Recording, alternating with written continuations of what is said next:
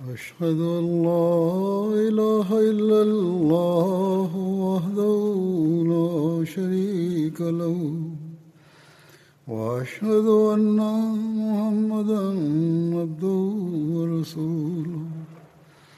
أما بعد فأعوذ بالله من الشيطان الرجيم. بسم الله الرحمن الرحيم.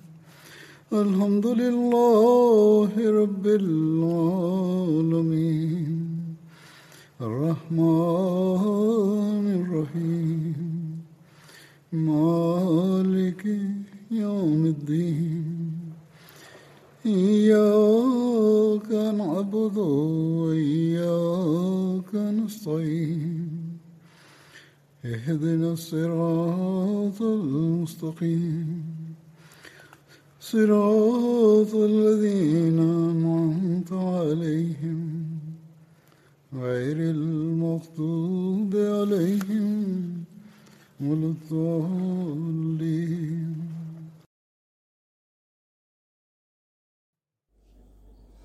Tanggal 20 Februari dikenang di dalam jemaat dengan nubuatan Muslim Maud. Hari ini saya akan menyampaikan berkenaan dengan hal itu karena besok adalah tanggal 20 Februari. Nubuatannya panjang. Di dalamnya dijelaskan berbagai keistimewaan berkenaan dengan putra Hadrat Masih Maud alaihissalam yang dijanjikan yang telah Allah Ta'ala kabarkan kepada Hadrat Masih Maud salam. Hari ini saya akan menyoroti salah satu dari sisinya, yaitu mengenai bahwa ia akan dipenuhi dengan ilmu-ilmu zahir dan batin. Saya akan sedikit menjelaskan mengenai tulisan-tulisan, pidato-pidato, dan sebagainya dari Hadrat Muslim Maud. Di dalamnya sampai batas tertentu menampakkan juga nubuatan yang menyatakan bahwa ia akan sangat pandai dan cerdas.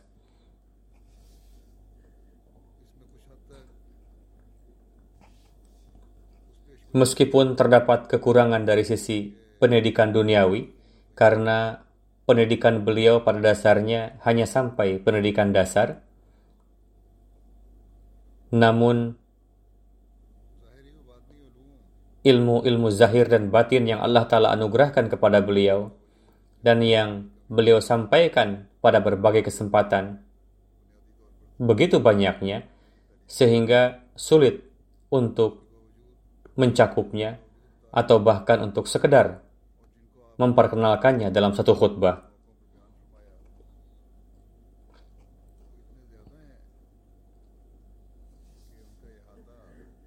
Untuk pengenalannya pun menuntut satu rangkaian khutbah. Alhasil, tidaklah mungkin saya menyampaikan semuanya, namun saya merasa untuk mengenalkannya dan demi memperlihatkannya selayang pandang, saya akan sampaikan perkenalan singkat dari beberapa karya tulis-karya tulis beliau. Atau saya akan sampaikan beberapa poin dari karya tulis tersebut supaya nampak sekilas pandang dari ilmu, ma'rifat, dan keluasan pengetahuan beliau radhiyallahu anhu.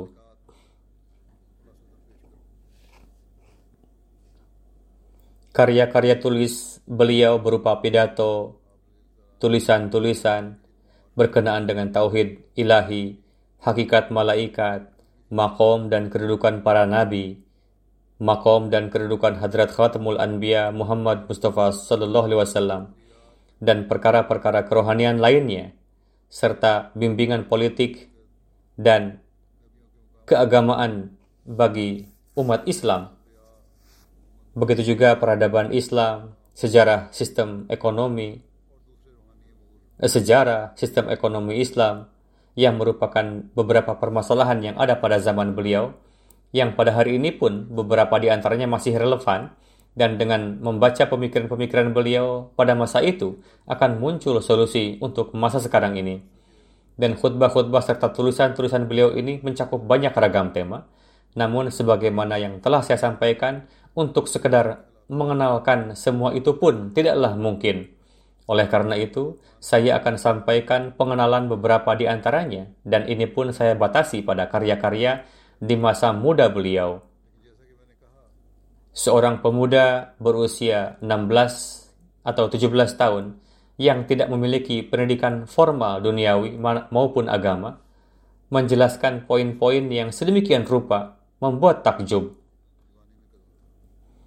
Pada usia 17 tahun, dalam jalsah, beliau menyampaikan satu pidato dengan tema Tauhid, yang mana Hadrat Khalifatul Masih Awal pun menyampaikan pujian dan bersabda bahwa beliau Ordelu Anhu betul-betul menyampaikan poin-poin yang baru. Alhasil, saya akan sampaikan sekilas pandang khazanah-khazanah ilmu dan ma'rifat beliau Ordelu Anhu ketika beliau berusia 16, 17, atau 18 tahun hingga 34 sampai 35 tahun yang merupakan masa muda awal dan usia muda. Apa yang beliau sampaikan di masa itu, seperlima puluhnya pun saya tidak akan bisa sampaikan pengenalannya, bahkan mungkin kurang dari itu. Setelahnya, beliau mendapatkan umur yang panjang dan bertabur mutiara ilmu dan ma'rifat yang didapat dari Allah Ta'ala. Pada bulan Maret 1907, ketika beliau Ridhalu Anhu berusia 18 tahun, Hadrat Muslim Maud menulis sebuah karya fenomenal yang berjudul Mahabbat Ilahi yang belakangan dicetak dalam bentuk buku. Dari karya tulis ini nampak bagaimana Allah Ta'ala sejak dini dan pada usia yang masih sangat muda telah mulai memenuhi beliau dengan ilmu zahir dan batin. Beliau Ordalu Anhu bersabda, Allah Ta'ala telah menciptakan manusia untuk cinta dan inilah maksud serta tujuan penciptaannya, yaitu mabuk dalam kecintaan kepada Allah Ta'ala dan selalu menyelami lautan yang menganugerahkan kehidupan yang kekal ini. Manakah kehidupan yang kekal itu? Kehidupan akhirat. Hanya dengan cintalah manusia selamat dari dosa-dosa dan meningkat dalam kedudukan, dan cinta jugalah yang menjadi sarana makrifat Allah Ta'ala. Tanpa cinta, manusia tidak bisa meraih hakikat dan makrifat Allah Ta'ala. Beliau Ridwan bersabda, Alhasil, untuk selamat dari dosa-dosa dan untuk meningkat dalam kedudukan adalah penting bagi kita untuk mempererat hubungan kita dengan Allah Ta'ala dan menciptakan dalam hati kita keikhlasan dan kecintaan yang dengannya kita menjadi dekat dengan Allah Ta'ala dan kita menjadi seperti matahari yang darinya dunia mendapatkan terang. Setelah itu, dalam membahas mengenai berbagai agama, beliau bersabda, Tuhan memang satu, namun mengenainya setiap agama memiliki gambaran yang berbeda-beda. Dalam uraian ini, beliau menjelaskan akidah orang-orang Yahudi, Kristiani, Hindu, dan Arya mengenai Tuhan dan membuktikan bahwa Tuhan dengan sifat dan ajaran yang seperti itu tidak layak disembah oleh manusia. Dengan mengemukakan ajaran Islam, beliau membuktikan bahwa hanya Tuhan Islamlah yang merupakan kumpulan segala keistimewaan dan keindahan dan selayaknya hanya kepadanya lah manusia mencintai dan beribadah. Sebagaimana telah saya katakan, telah jelas bahwa semua manusia memiliki Tuhan yang satu, namun gambaran Tuhan yang dikemukakan oleh agama-agama lain berlawanan dengan itu. Gambaran Tuhan yang dikemukakan oleh Islam inilah gambaran yang hakiki, dan dengan ini pun di dalam hati bisa timbul kecintaan kepada Allah Ta'ala. Dengan menyebutkan sifat-sifat Allah Ta'ala, beliau membuktikan bahwa dalam agama lain tidak dijelaskan sifat-sifat Allah Ta'ala sedemikian rupa dan tidak ada agama lain yang menandingi sifat-sifat yang dijelaskan oleh Islam dari sisi keunggulan-keunggulan dan kesempurnaan-kesempurnaannya. Di akhir, beliau mengemukakan bukti Tuhan, Islam, yang hidup bahwa hanya Tuhan Islamlah yang di masa ini memberikan bimbingan kepada manusia dengan perantaraan wahyu dan ilham. sebagaimana dulu sebelumnya dia melakukannya, dan inilah keistimewaan terbesar dari Tuhan yang hidup. Kemudian beliau menulis, Akhirnya saya sampai pada penutupan dari uraian saya, karena saya telah membuktikan bahwa Tuhan agama-agama lain tidaklah layak untuk dicintai. Ajaran mereka cacat. Manusia tidak bisa mengamalkannya. Alhasil, kemudian beliau menulis, ajaran Islam sesuai dengan fitrat manusia, dan Tuhan adalah pemilik kekuasaan yang mutlak dan suci dari segala aib dan keistimewaan terbesar yang Islam sampaikan adalah bahwa seorang pecinta tidak akan mendapatkan jawaban yang jelas mengenai hal ini, bahkan Allah Ta'ala akan berbicara dengannya setelah mengujinya. Ini adalah hal yang hendaknya diingat. Allah Ta'ala tidak akan memberikan jawaban yang jelas, melainkan setelah melalui satu ujian. Suatu ujian. Kemudian dia berbicara dengannya dan panasnya cinta yang membakar segala sesuatu di dalam hati para pecinta, dia akan menyejukkannya dengan kalamnya yang menenteramkan dan menjauhkan bara dan panas yang muncul dikarenakan tidak mendapatkan jawaban dan demikian juga kecintaan semakin bersinar dan di dalam hatinya timbul satu gejolak untuk semakin dekat dengan Tuhan. Dan sedemikian rupa terus meningkat sampai-sampai begitu dekat sehingga Allah Ta'ala berfirman mengenainya bahwa anta minni wa ana minka yakni engkau berasal dariku dan aku berasal dari engkau dan artinya ialah bahwa namaku nampak di bumi disebabkan engkau dan kehormatan engkau adalah dikarenakan aku dan kehormatan mereka hanyalah dikarenakan mereka mencintai Tuhannya. Beliau radhiyallahu anhu menulis, Semakin saya merenungkan kata kecintaan ilahi, semakin timbul di dalam hati suatu sukacita dan kelezatan yang istimewa bahwa betapa indahnya agama Islam yang telah memberikan petunjuk kepada suatu nikmat yang dengannya hati kita menjadi terang dan otak kita menjadi bercahaya. Ajaran Islam memberikan manfaat seperti salap bagi hati kita yang terluka dan jika Islam tidak ada, maka demi Tuhan, para pencari kebenaran akan mati hidup-hidup dan mereka yang di dalam hatinya terdapat kenikmatan. Cinta punggung mereka cinta punggung mereka akan patah dan cinta akan dianggap satu sarana yang tidak mungkin dan ia akan dinamai sebagai khayalan karena ketika orang-orang melihat bahwa tidak ada suatu wujud yang bisa kita cintai maka tidak ada lain tidak ada lagi yang bisa mereka lakukan selain melakukan kecintaan itu. Dengan menganugerahkan kepada manusia agama seperti Islam, Tuhan telah memberikan ketentraman kepada hati yang bersedih dan memberikan kesembuhan pada hati-hati yang terluka. Ketika seorang insan yang mencintai Tuhan melihat bahwa wujud yang dia cintai itu melihat setiap zarah dan mengetahui perkara-perkara yang ada di dalam hati, dia mendengar dan berbicara, dan kemudian dia berkuasa untuk mengganjar orang-orang yang mencintai maka pada saat itu dia di dalam hatinya ia akan meraih kesenangan disebabkan kecintaan ini dan merasakan kelezatan yang istimewa yakni manusia meraih kesenangan dan merasakan kelezatan yang istimewa Hadrat Muslim Maud pada jalsah tanggal 28 Desember 1908 menyampaikan satu ceramah yang sangat berbobot dengan judul Bagaimana cara untuk meraih kesuksesan. Gagasan-gagasan ini adalah ketika beliau berusia 19 tahun.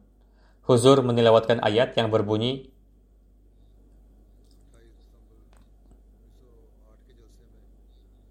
Inna Allah ashtara minal mu'minina anfusahum wa amwaluhum bi anna lahumul jannah.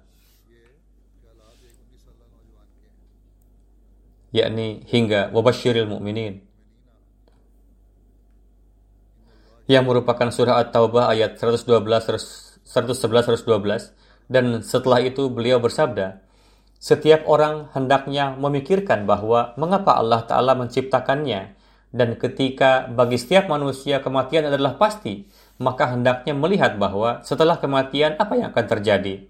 Ketika manusia untuk kehidupan singkat ini sedemikian rupa berusaha dan menempuh upaya-upaya maka apa-apakah untuk kehidupan yang tidak terbatas maka apakah untuk kehidupan yang tidak terbatas, yakni kehidupan akhirat, hal ini tidak diperlukan?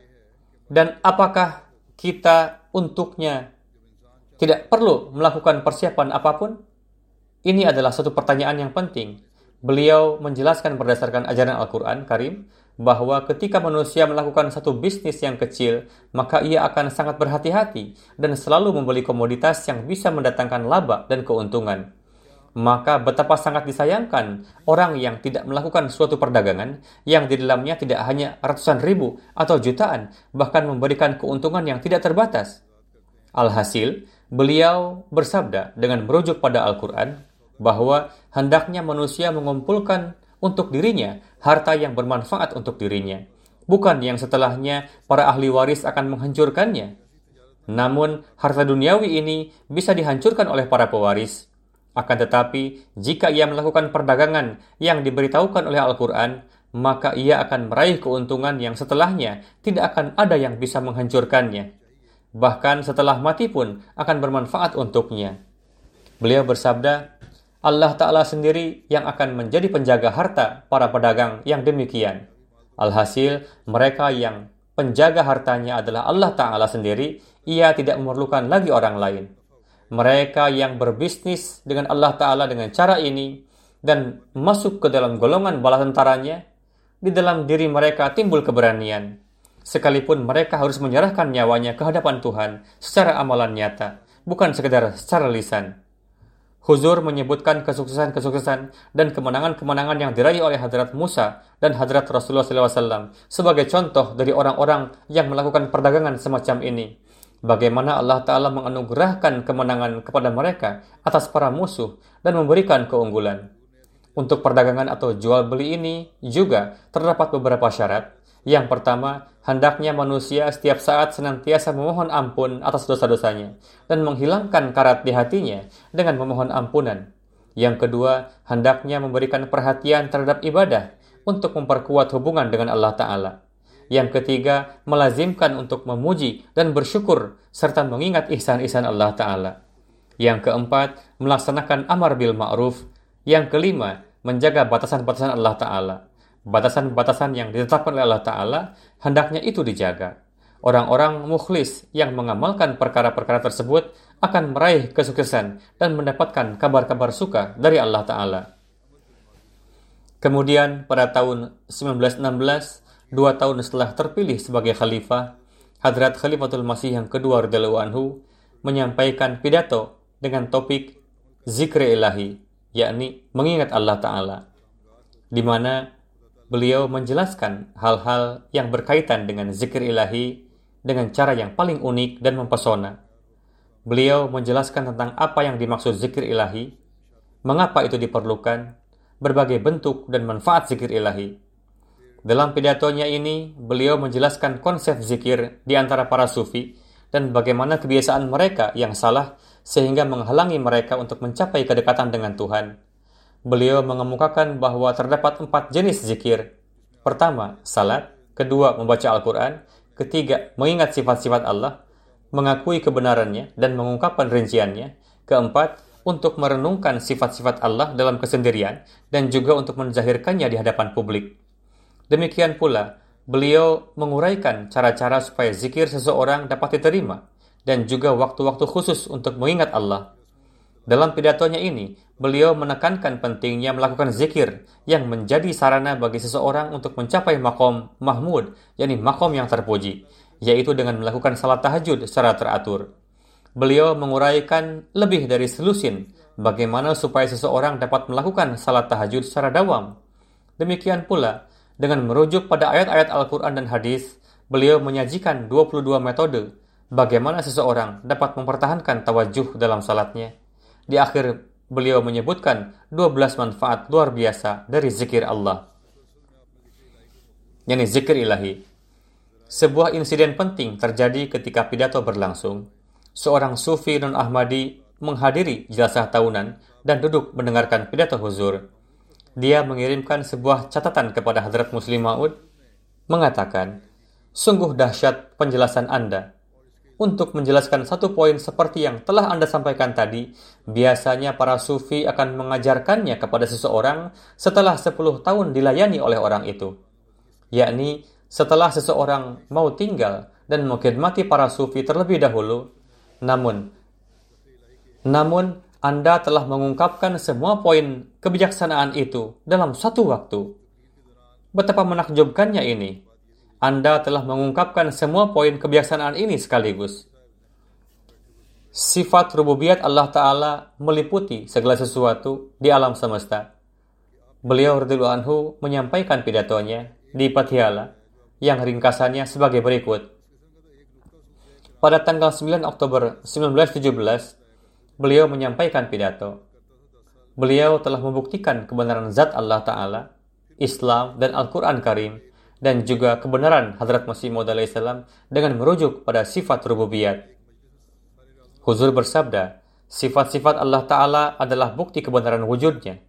Melalui merenungi sifat-sifat ilahiyah dan menyaksikan kehebatan kudrat-kudratnya yang penampakannya senantiasa terjadi, maka akan terpaksa diyakini bahwa pasti ada satu wujud yang maha mengetahui, maha bijaksana, maha pemurah, dan maha penyayang.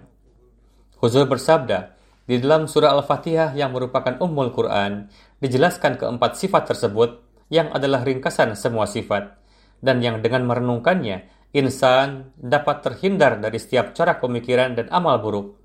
Contohnya, sifat pertama Rabbul Alamin, sifat rububiyat Allah Ta'ala berkaitan dengan seluruh makhluk. Seperti eh, setiap sesuatu tengah meraih berkat dari sifat rububiyatnya.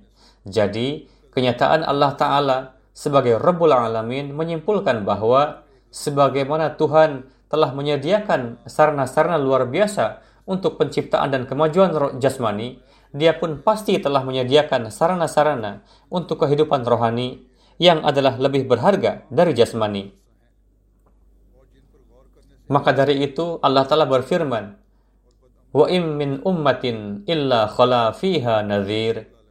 Di setiap kaum telah datang para nabi Allah Ta'ala di mana mereka terus memberikan sarana untuk membimbing dan memajukan kehidupan eh, keruhanian manusia. Pada akhirnya, Allah Ta'ala membangkitkan Hadrat Muhammad Mustafa Sallallahu Alaihi Wasallam untuk memperbaiki seluruh kaum dan masa. Karena melalui beliau, syariat telah disempurnakan. Maka Hadrat Rasulullah SAW bersabda, sekarang setelahku akan terus datang hamba-hamba Tuhan yang meraih percakapan dengan Tuhan, di mana ia akan terus menyadarkan manusia akan makna-makna syariat ini dan mempertemukannya dengan Tuhan. Jadi, di masa ini pun Allah Ta'ala telah mengutus Mirza Sahib sesuai sifat rububiyatnya, di mana ia telah mengaku meraih percakapan dengan Tuhan dan diutus demi perbaikan manusia.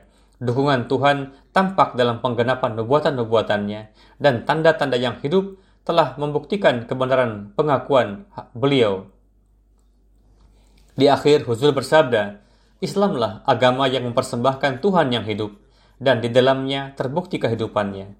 Kemudian, sebagaimana dahulu Tuhan memberikan kemajuan kepada kerohanian hamba-hambanya, sekarang pun dia melakukannya dan dengan berjalan di atas jalan itu, sekarang pun kita dapat meraih segala nikmat dan faidah yang telah diraih ribuan tahun silam itu.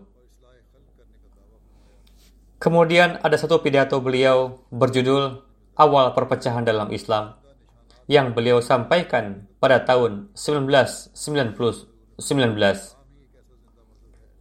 di satu pertemuan Modern Historical Society di Islamiyah College Lahore. Kurang lebih ada 100 halaman. Ringkasnya, beliau telah menyampaikan ini pada tanggal 26 Februari tahun 1919 di satu pertemuan modern Historical Society di Islamiyah College Lahore yang sangat luar biasa. Pertemuan ini dipimpin oleh Sayyid Abdul Qadir Sahib, guru besar sejarah saat itu yang bukan Ahmadi. Seraya menjelaskan pentingnya tema tersebut, Huzur bersabda, awal perselisihan dalam Islam terjadi 15 tahun setelah kewafatan Rasulullah SAW. Dan setelah itu, api perpecahan semakin meluas. Sejarah zaman itu telah terselimuti kabut pakat. Para musuh Islam melihat sebuah noda buruk di atas Islam. Dan bagi para sahabatnya pun, ini merupakan persoalan yang sangat membingungkan. Sangat sedikit orang yang ingin selamat dari kepekatan sejarah zaman itu dapat berhasil dalam upayanya itu.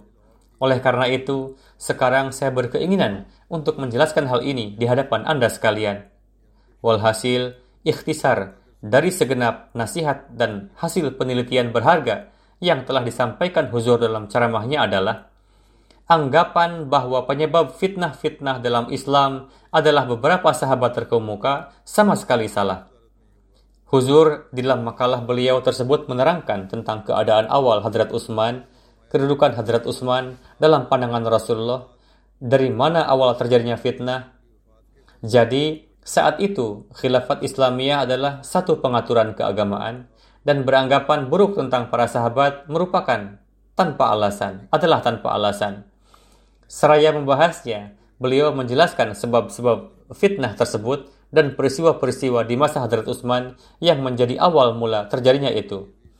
Beliau menerangkan tentang siapakah sosok penyulut fitnah, yaitu Abdullah bin Sabah, dan keadaan umum Kufah, Basra, Basra, Syam, dan umat Islam yang ada di sana. Mengenai keberatan yang juga dilontarkan kepada Hadrat Utsman bahwa beliau mengangkat para amir sekehendak beliau, di mana hal ini menjadi sebab fitnah tersebut, Huzur menyampaikan pendapat beliau bahwa orang-orang yang telah dikirim untuk menyelidiki adalah mereka yang sangat mulia, tidak berpihak, dan tidak ada yang sanggup mengkritik hasil penyelidikan mereka. Jadi, hasil kesepakatan ketiga sahabat bersama beberapa orang yang dikirim untuk melakukan penyelidikan di suatu negeri bahwa keadaan negeri tersebut adalah aman damai, tidak ada tanda kekerasan dan pemberontakan, dan pemerintah setempat menjalankan tugasnya dengan adil adalah suatu keputusan yang mana tidak ada seorang pun kemudian yang meragukannya. Dan dengan jelas diketahui bahwa kekisruhan ini semua adalah semata kenakalan beberapa orang yang buas serta merupakan hasil dari hasutan Abdullah bin Sabah. Sementara Hadrat Utsman dan para pembesar, yakni gubernur, yang beliau tunjuk adalah suci dari setiap tuduhan.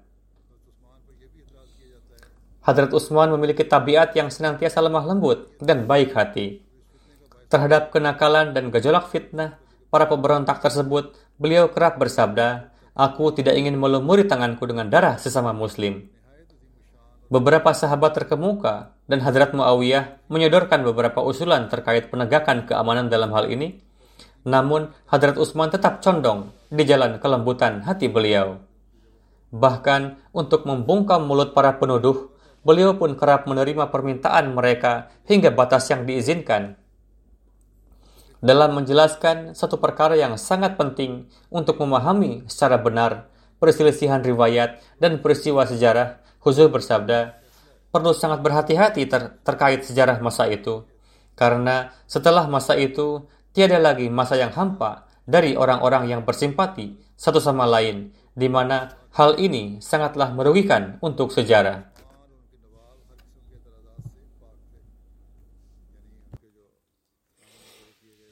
Karena ketika permusuhan hebat atau kebencian ikut serta, maka riwayat sejarah tidak akan dapat utuh terjaga.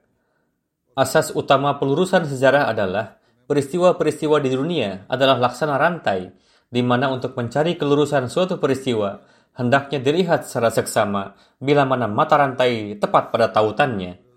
Ikhtisar penelitian huzur adalah Hadrat Utsman dan para sahabat lainnya bersih dari setiap fitnah dan kesalahan, Bahkan perilaku mereka adalah pantulan akhlak mulia, dan jejak langkah mereka berada di atas tingkatan kebaikan yang luhur.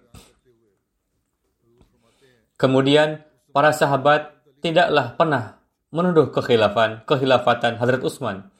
Mereka senantiasa berlaku setia kepada khilafat hingga akhir hayatnya.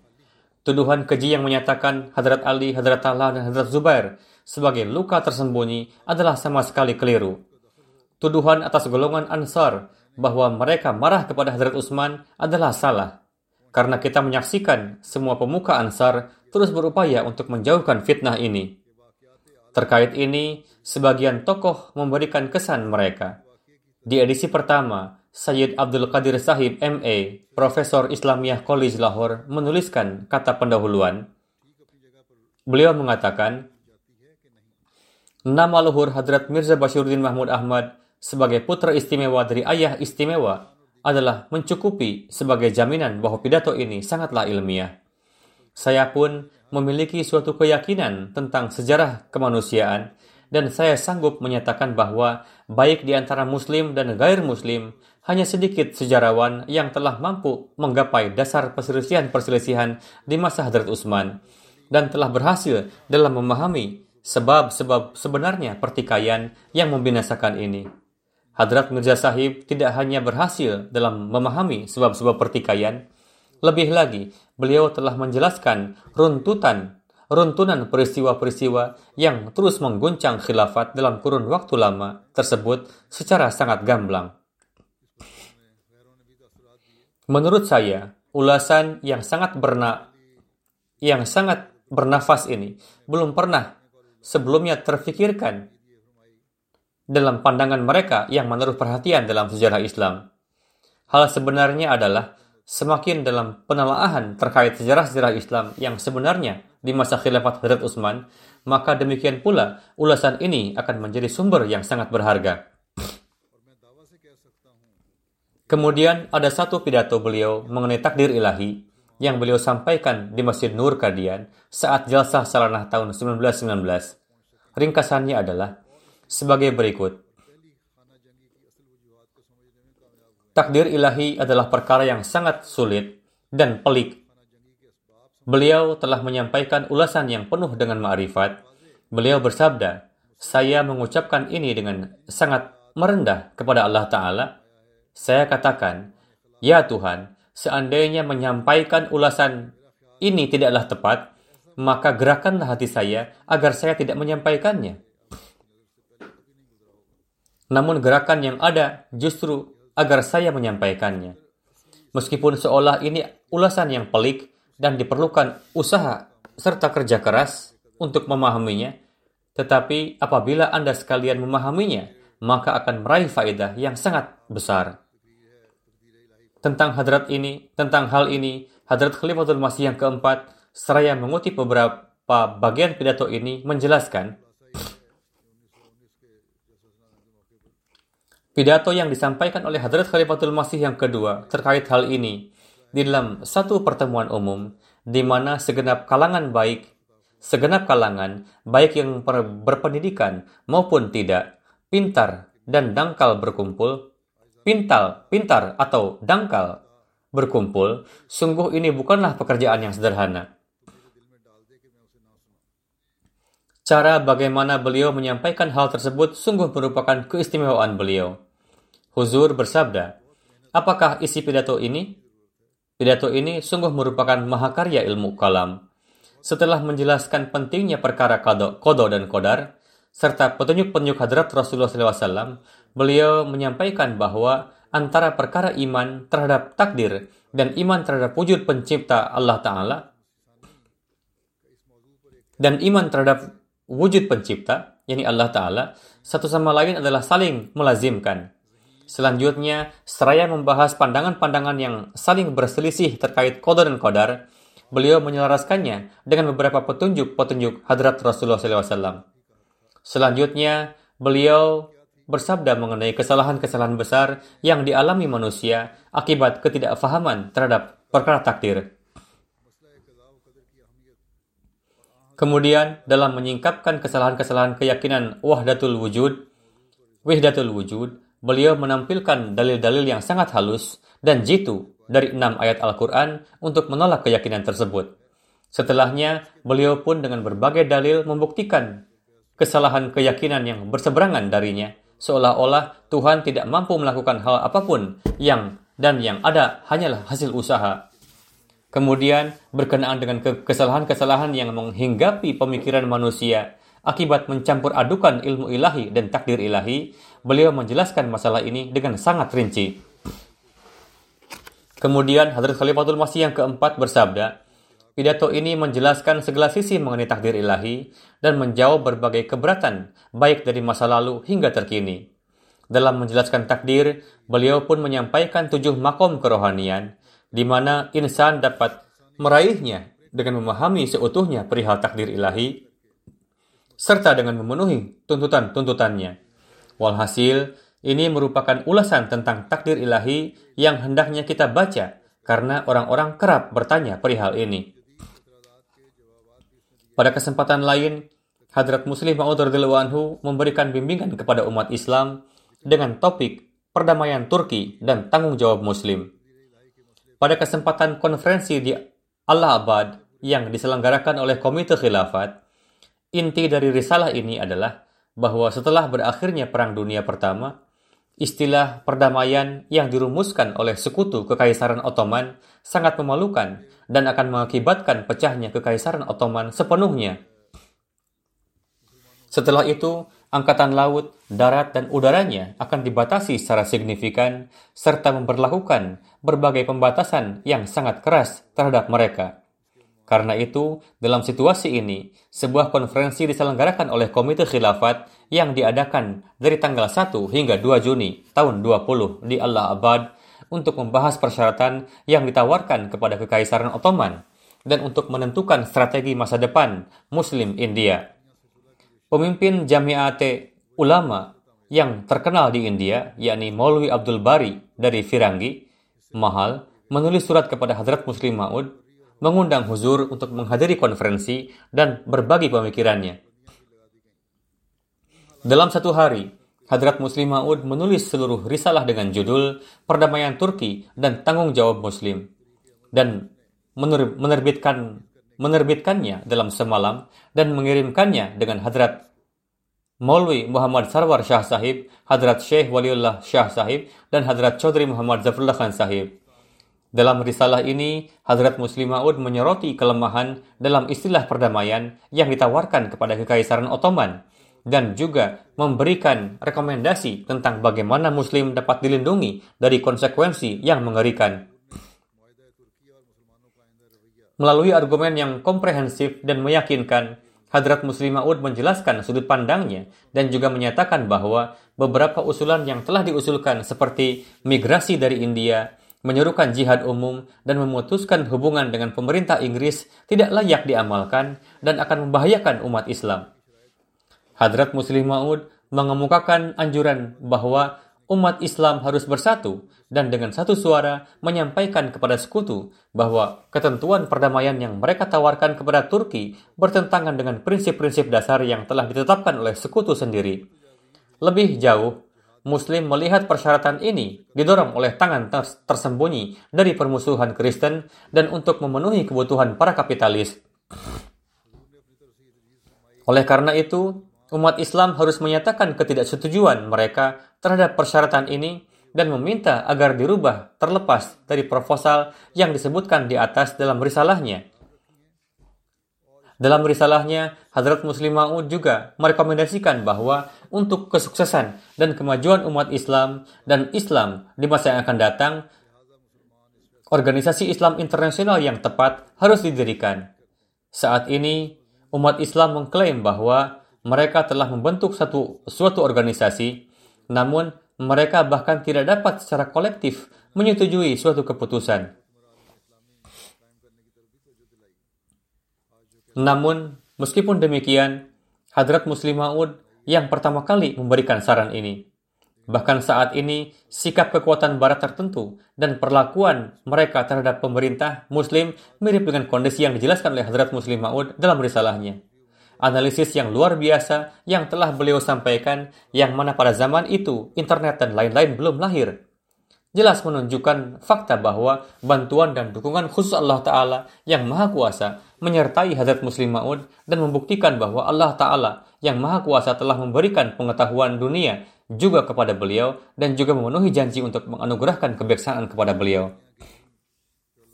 Selanjutnya, pidato beliau berjudul Malaikat Allah yang disampaikan pada tanggal 28 Desember tahun 20 bertempat di Baitun Nur. Topik malaikat Allah ini termasuk dalam prinsip pokok Islam dan keimanan.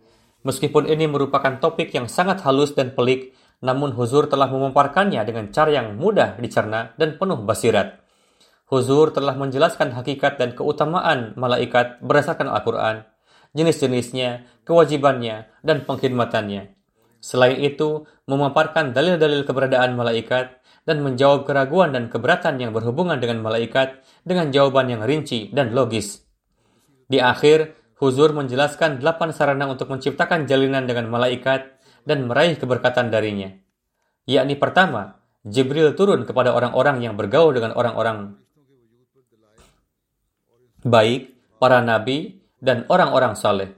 Kedua, dengan menyamai dengan menyampaikan salawat kepada Rasulullah.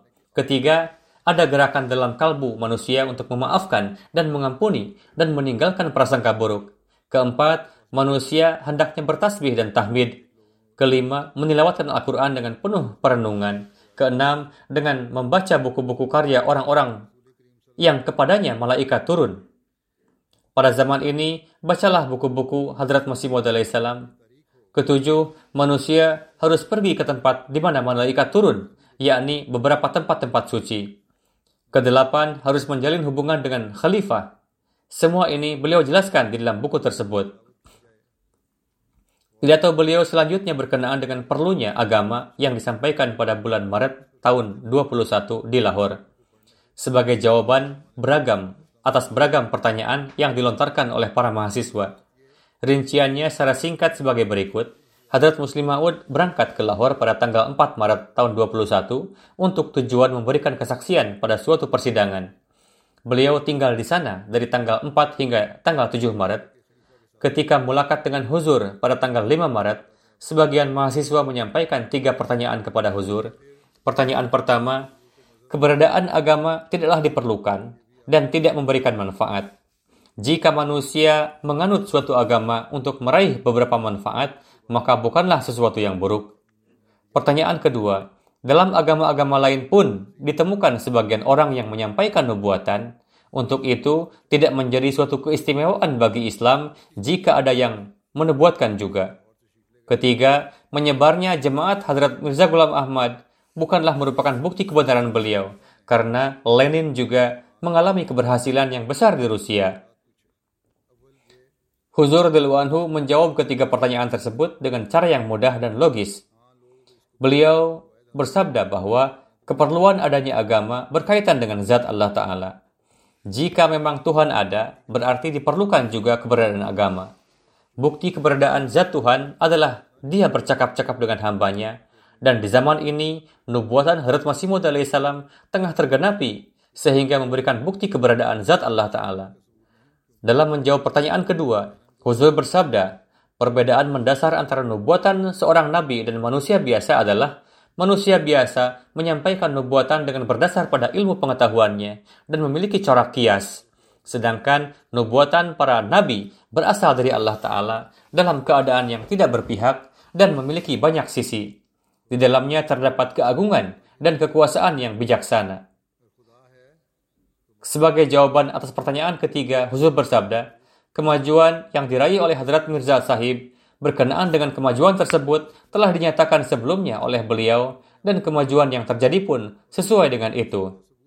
Untuk itu, keliru jika dikatakan bahwa kemajuan yang diraih oleh Mirza Sahib bukanlah tanda kebenarannya, karena orang lain pun mengalami kemajuan juga. Alhasil, sebetulnya topiknya panjang. Selanjutnya, beliau radhiyallahu menyampaikan pidato berkenaan dengan keberadaan zat Allah Ta'ala pada tahun 1921. Pidato tersebut pun sangat panjang, terdiri dari 190 halaman, ringkasannya sebagai berikut. Pada tahun 21, beliau telah menyampaikan pidato bertemakan keberadaan wujud Allah Ta'ala dengan penuh hakikat dan ma'rifat dalam gaya yang menggugah, ilmiah, dan lengkap. Hadrat Muslim Ma'ud telah menerangkan delapan dalil perihal keberadaan zat Allah Ta'ala dan memberikan jawaban atas beberapa keberatan. Beliau juga menjelaskan bukti zat Tuhan berdasarkan sifat-sifatnya dan menerangkan jenis-jenis sifat ilahi juga. Beliau juga menjabarkan secara rinci ajaran Islam berkenaan dengan wujud Tuhan yang bertentangan dengan pemikiran penduduk Eropa, berkenaan bertentangan berkenaan dengan Allah Ta'ala, pemikiran begitu juga bertentangan dengan pemikiran pengikut Zarathustra, Hindu, dan Arya. Selain itu, dalam pidatonya, Huzur menjelaskan definisi syirik, dan jenis-jenisnya, juga menyampaikan bantahannya. Begitu juga menjelaskan perihal perjumpaan dengan Allah Ta'ala, tingkatan dan derajatnya, faedah-faedahnya, dan sarana untuk meraihnya. Selanjutnya, pada tahun 21, beliau Anhu menulis satu buku yang berjudul Syahzadah Wales, yakni Pangeran Wales. Buku tersebut dipersembahkan kepada sang pangeran pada saat kunjungannya ke Hindustan. Ringkasnya sebagai berikut. Pewaris tahta Inggris Raya, yakni Pangeran Wales berkunjung ke Hindustan pada tahun 21. Pangeran inilah yang di kemudian hari disebut dengan Edward Hastam. Pada tahun 36, beliau melepaskan diri dari tahtanya setelah terjadi pertentangan dengan Church of England of England. Dalam kunjungannya ke Hindustan, Hadrat Muslim Maud menulis satu makalah berjudul Tufa Syahzada Wales, yakni hadiah untuk Pangeran Wales. Dalam rangka ini, berdasarkan himbauan huzur, 32.208 Ahmadi mengumpulkan satu anak per orangnya, yakni 1 per 16 India Rupees, dan mengatur penerbitan buku tersebut. Kemudian, pada tanggal 27 Februari tahun 22, satu kelompok perwakilan jemaat dengan perantaraan pemerintah Punjab Lahore menyerahkan dalam bentuk hadiah yang berisi buku yang merupakan hadiah tak ternilai dari Islam teruntuk Pangeran Wales disertai dengan sebuah ucapan. Selain menyatakan kesetiaan kepada pemerintah pada masa itu, dalam tulisan singkat itu, di dalamnya Hadrat Muslim Ma'ud menjelaskan riwayat singkat pendiri Jemaat Ahmadiyah Hadrat Masih Maud salam, ajaran, sejarah, dan tujuan dari berdirinya Jemaat Ahmadiyah. Di akhir, dengan menyampaikan, dengan mengikuti sunnah Rasulullah, Hadrat Muslim Ma'ud menyampaikan pesan Islam kepada sampai kepada pewaris tahta kerajaan Inggris dengan cara yang sangat berkesan dan menyeru beliau kepada Islam. Sang pangeran menerima hadiah yang dipersembahkan dari Huzur dan menyampaikan ucapan terima kasih atas hal itu melalui kepala sekretaris beliau. Seperti yang saya katakan, Pangeran Wales yang di kemudian hari menjadi Edward Hastam pada tahun 36 dan melepaskan diri dari tahta disebabkan oleh pertentangan atau perselisihan dengan gereja, beliau menerima hadiah tersebut dengan penuh rasa hormat. Beliau tidak hanya menyampaikan ucapan terima kasih melalui kepala sekretarisnya, bahkan pada bulan Maret tahun 22 dalam perjalanan dari Lahore ke Jammu, beliau sangat bahagia setelah menelaah buku tersebut sepenuhnya. Sebagaimana diketahui dari informasi di kemudian hari, ketika sampai pada beberapa poin dalam buku tersebut, wajah beliau begitu merona bagaikan mawar. Demikian pula yang menyertai beliau mengabarkan bahwa Ketika membaca buku tersebut, terkadang sang pangeran berdiri secara tiba-tiba. Adapun setelah berlalu beberapa masa, beliau pun menyatakan secara jelas akan ketidaksukaannya terhadap agama Kristen. Dalam surat kabar Zulfikar edisi 24 April tahun 22, tertulis pandangan berkenaan dengan buku tersebut. Kami tidak bisa diam tanpa menyampaikan pujian atas kegigihan Khalifah kedua Jemaat Ahmadiyah dalam menyebarkan Islam. Sebagian besar isi dari buku Tuhfah Wells dipenuhi dengan tabligh Islam dan ini merupakan karya agung yang dengan membacanya non-Ahmadi pasti akan merasa iri. Adalah perlu bagi kita untuk membuka kalung kebencian dari leher kita dan meletakkannya di meja penulisan kolom surat kabar. Untuk itu, setelah membaca makalah ini, kami merasa sangat bahagia. Dalam hadiah buku tersebut, Penulis yang notabene seorang cendekia, yakni Hadrat Muslim Maud, telah mengamalkan sepenuhnya sunnah Rasulullah. Beliau telah menyampaikan tabligh Islam sampai kepada pewaris tahta kerajaan Inggris Raya dengan penuh keberanian dan tanpa segan. Hal lain, jika ada individu dari firkah Islam maupun mana pun atau surat kabar yang tidak setia pada negara di zaman ini menyerang hadiah ini dengan kedengkian dan permusuhan, kami tidak mendapati di dalam hadiah ini, hadiah buku ini, sesuatu yang provokatif. Memang sebagiannya dijelaskan juga secara singkat, riwayat hidup Hadrat Mirza Ghulam Ahmad dari awal hingga akhir, namun di dalamnya penuh dengan hal-hal yang cinta damai dan kesetiaan kepada negara. Jelas sekali bahwa Tuhan tidak pernah bersahabat dengan firkah-firkah yang radikal dan penggang, pembangkang dan dia akan membinasakannya. Demikian pula surat kabar pemerintah bernama Civil and Military Gazette pada edisi 18 April 22 terpaksa mengakui dan menulis di dalam buku tersebut dalil dan bukti dipersembahkan dengan baik, elegan dan penuh pencerahan.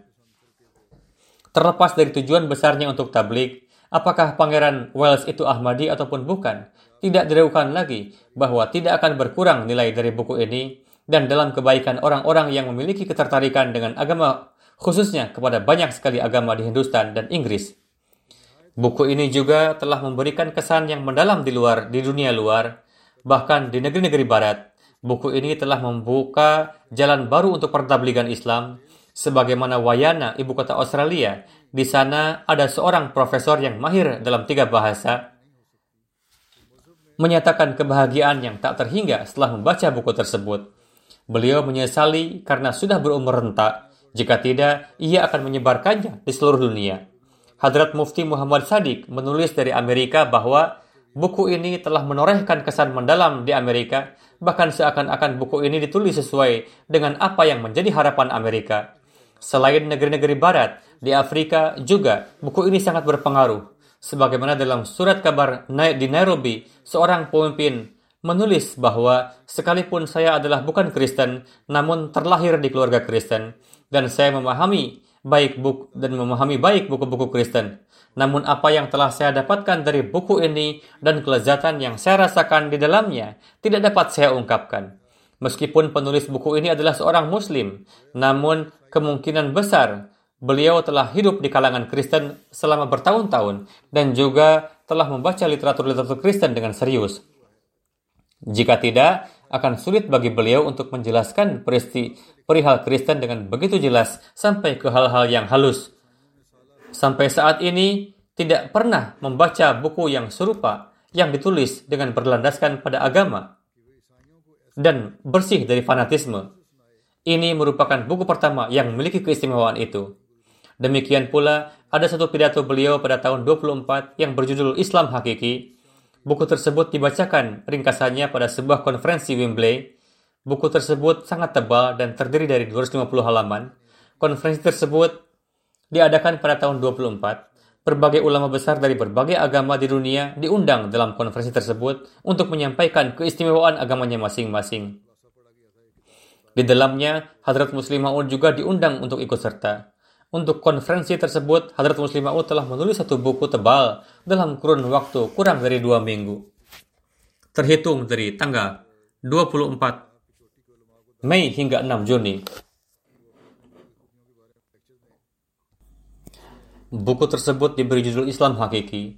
Hadrat Chaudhry Zafrullah Khan membaca ringkasan buku tersebut pada konferensi di hadapan Hadrat Muslim Maud.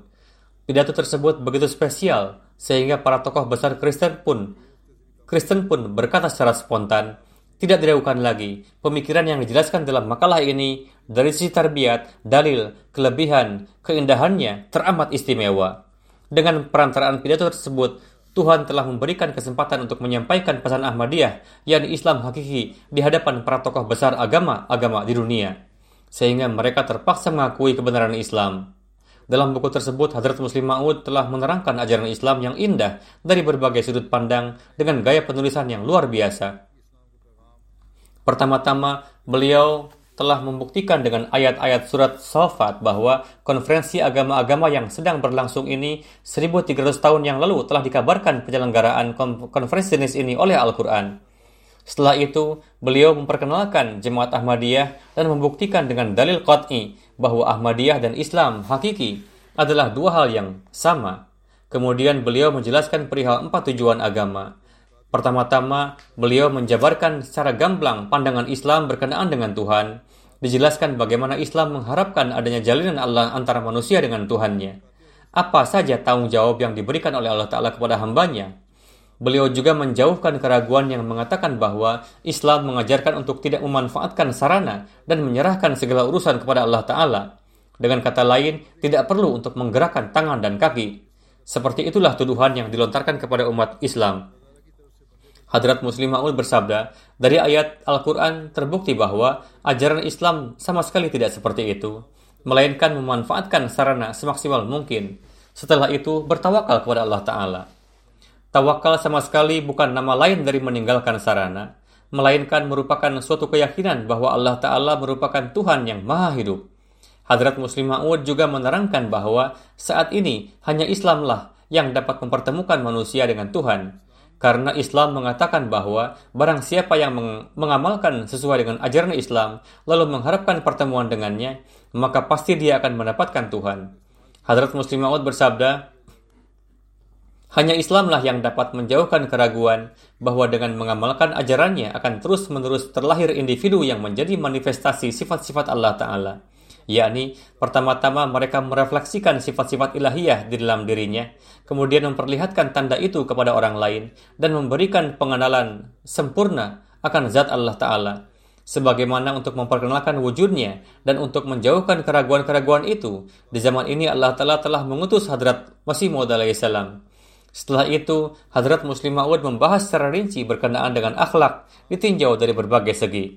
Beliau membuktikan bahwa ajaran akhlaki Islamlah yang paling sempurna dan tidak ada agama lain yang dapat menandinginya.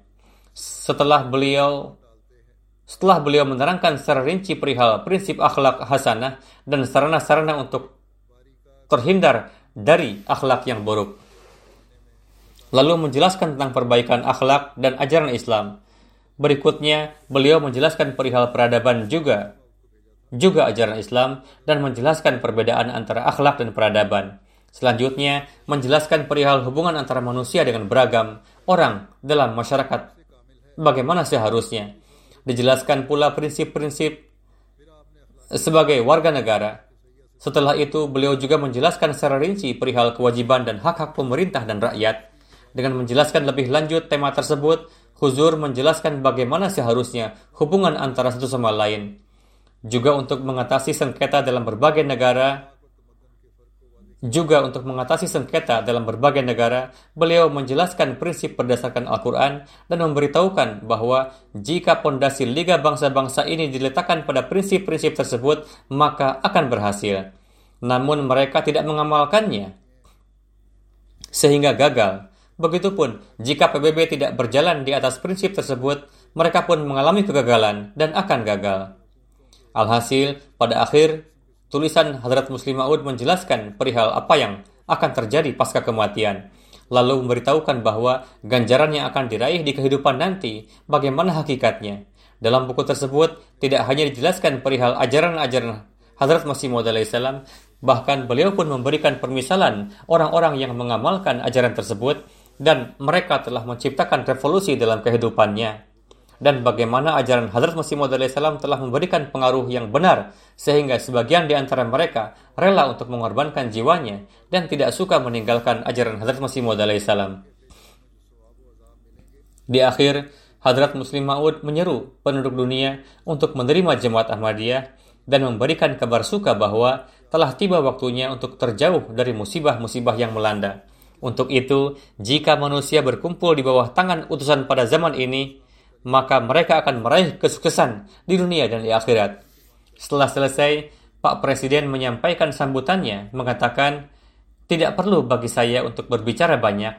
Makalah ini telah memperkirakan sendiri akan keindahannya, kehalusannya. Saya semata-mata hanya ingin menyampaikan dan mewakili hadirin juga untuk mengucapkan terima kasih kepada Hadrat Khalifatul Masih akan keistimewaan makalah urutannya, pemikirannya, dan juga penyampaian dalil pendukung dengan cara yang luar biasa. Dari raut wajah dan lisan para hadirin sepakat dengan ucapan saya dan saya meyakini bahwa mereka menyatakan saya adalah berhak untuk menyampaikan ucapan terima kasih mewakili mereka dan memenuhi hak untuk menjabarkan keinginan mereka. Ada seorang pria datang menghampiri Huzur, berkata, saya telah bekerja selama 30 tahun di Hindustan, juga telah menelaah kondisi umat Islam dan juga dalil-dalilnya, karena saya tinggal di Hindustan sebagai misioneri. Namun keindahan, kejelasan, dan kehalusan dalam pidato yang Anda sampaikan pada hari ini tidak pernah saya dengarkan yang, yang serupa di tempat lainnya. Setelah menyimak makalah Anda memberikan pengaruh yang mendalam kepada saya, baik itu dari sisi pemikiran, urutannya, dan juga dalil-dalilnya saya ucapkan selamat kepada Anda. Ada seorang pria lagi yang datang dan menyampaikan, saya datang dari Perancis untuk menyimak pidato Anda. Sebelum ini, saya selalu memprioritaskan Islam di atas Kristen. namun memprioritaskan agama Buddha di atas Islam. Namun setelah menyimak pidato Anda, saya meyakini bahwa memang Islamlah yang paling unggul. Anda telah mempersembahkan Islam dengan gaya yang indah dan elegan, sehingga tidak ada agama lain yang dapat menandinginya. Hal itu memberikan kesan yang mendalam dalam diri saya. Masih banyak sambutan-sambutan lainnya. Sekretaris konferensi bernama Masnar Sharplas. Beliau mengatakan kepada Chaudhry Zafrullah Khan Sahib, saya ucapkan selamat untuk Anda. Orang-orang sangat berterima kasih kepada Anda. Wanita itu mengatakan, para pria dan wanita datang menemui saya dan menyampaikan banyak pujian atas pidato tadi. Ada seorang dosen berkebangsaan Jerman. Sepulang dari acara tersebut, ketika berjalan di jalan, beliau menghampiri Huzur dan menyampaikan ucapan mubarak, lalu mengatakan, ketika menyimak pidato tadi, di sebelah saya duduk beberapa tokoh besar dari Inggris. Saya perhatikan para tokoh itu sambil memukul-mukul lututnya sendiri mengatakan, Rare ideas. One cannot hear such ideas every day. Artinya, sungguh berharga pemikiran ini dan tidak setiap saat kita dapat mendengar pemikiran seperti ini. Dosen dari Jerman itu menceritakan, pada beberapa poin-poin ceramah, orang-orang Inggris itu spontan mengatakan, What a beautiful and true principle. Sungguh indah dan benar prinsip yang disampaikan ini. Dosen dari Jerman itu menyampaikan kesannya dengan mengatakan bahwa kesempatan ini merupakan ajang bagi para Ahmadi untuk meraih kemajuan, dan ini merupakan keberhasilan yang mana sekalipun Anda membelanjakan ribuan pound sterling, tetap tidak akan dapat meraih keberhasilan seperti yang diraih dengan perantaraan pidato tersebut. Ada seorang wanita dari agama Bahai yang menyimak pidato Hadrat Muslim Maud. Wanita itu ikut pergi bersama kami sampai ke dekat rumah. Wanita itu mengatakan, sebelum ini saya berpikiran Bahai, namun setelah mendengar pidato pada hari ini, pemikiran saya menjadi berubah. Mulai sekarang, saya ingin sering-sering menyimak pidato Anda. Jika Anda berkenan menginformasikan kepada saya, yakni kapan dan di mana pidato huzur selanjutnya, saya pasti akan hadir di dalamnya. Ada seorang wanita yang memelas untuk mengundang huzur ke rumahnya untuk minum teh. Minum teh. Ada seorang pria yang mengatakan bahwa begitu indahnya pidato huzur yang mana lebih indah dari hubul waton. Alhasil, hanya sekilas saja yang dapat saya sampaikan. Itu pun pertama itu pun permata ilmu, makrifat beliau dari umur 18 sampai 35 tahun, yakni permulaan masa remaja, lalu masa remaja. Apa yang disampaikan tadi adalah ketika beliau masih muda. Seperti yang saya katakan, beliau tidak mengenyam pendidikan formal yang tinggi, namun bagaimana beliau telah dipenuhi dengan pengetahuan duniawi dan rohani. Ini pun merupakan suatu tanda akan kebenaran nubuatan Harut Masih Maud salam dan Rasulullah. Beberapa yang saya sampaikan tadi terjadi ketika beliau berumur 17 tahun. Ada di antaranya yang terjadi sebelum beliau menjadi khalifah, ada juga pasca menjadi khalifah. Apa yang saya sampaikan tadi mungkin hanya 50 bahkan 100 persen bah, hanya seperlima puluh bahkan satu per seratus persen satu per seratus dari apa yang telah beliau berikan pada saat berusia 17 tahun. Itu pun tidak dapat tersampaikan sepenuhnya.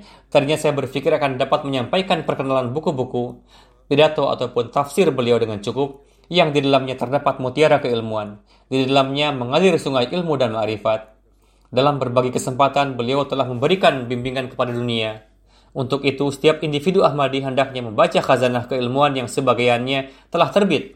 Semoga Allah senantiasa meninggikan derajat Hadrat Muslim Maud doakan juga untuk kondisi di Pakistan. Semoga Allah telah memberikan taufik kepada para Ahmadi di sana untuk dapat hidup dengan damai dan tentram dan semoga dengan karunia-Nya Allah Ta'ala menghancurkan segala serangan dan makar para penentang.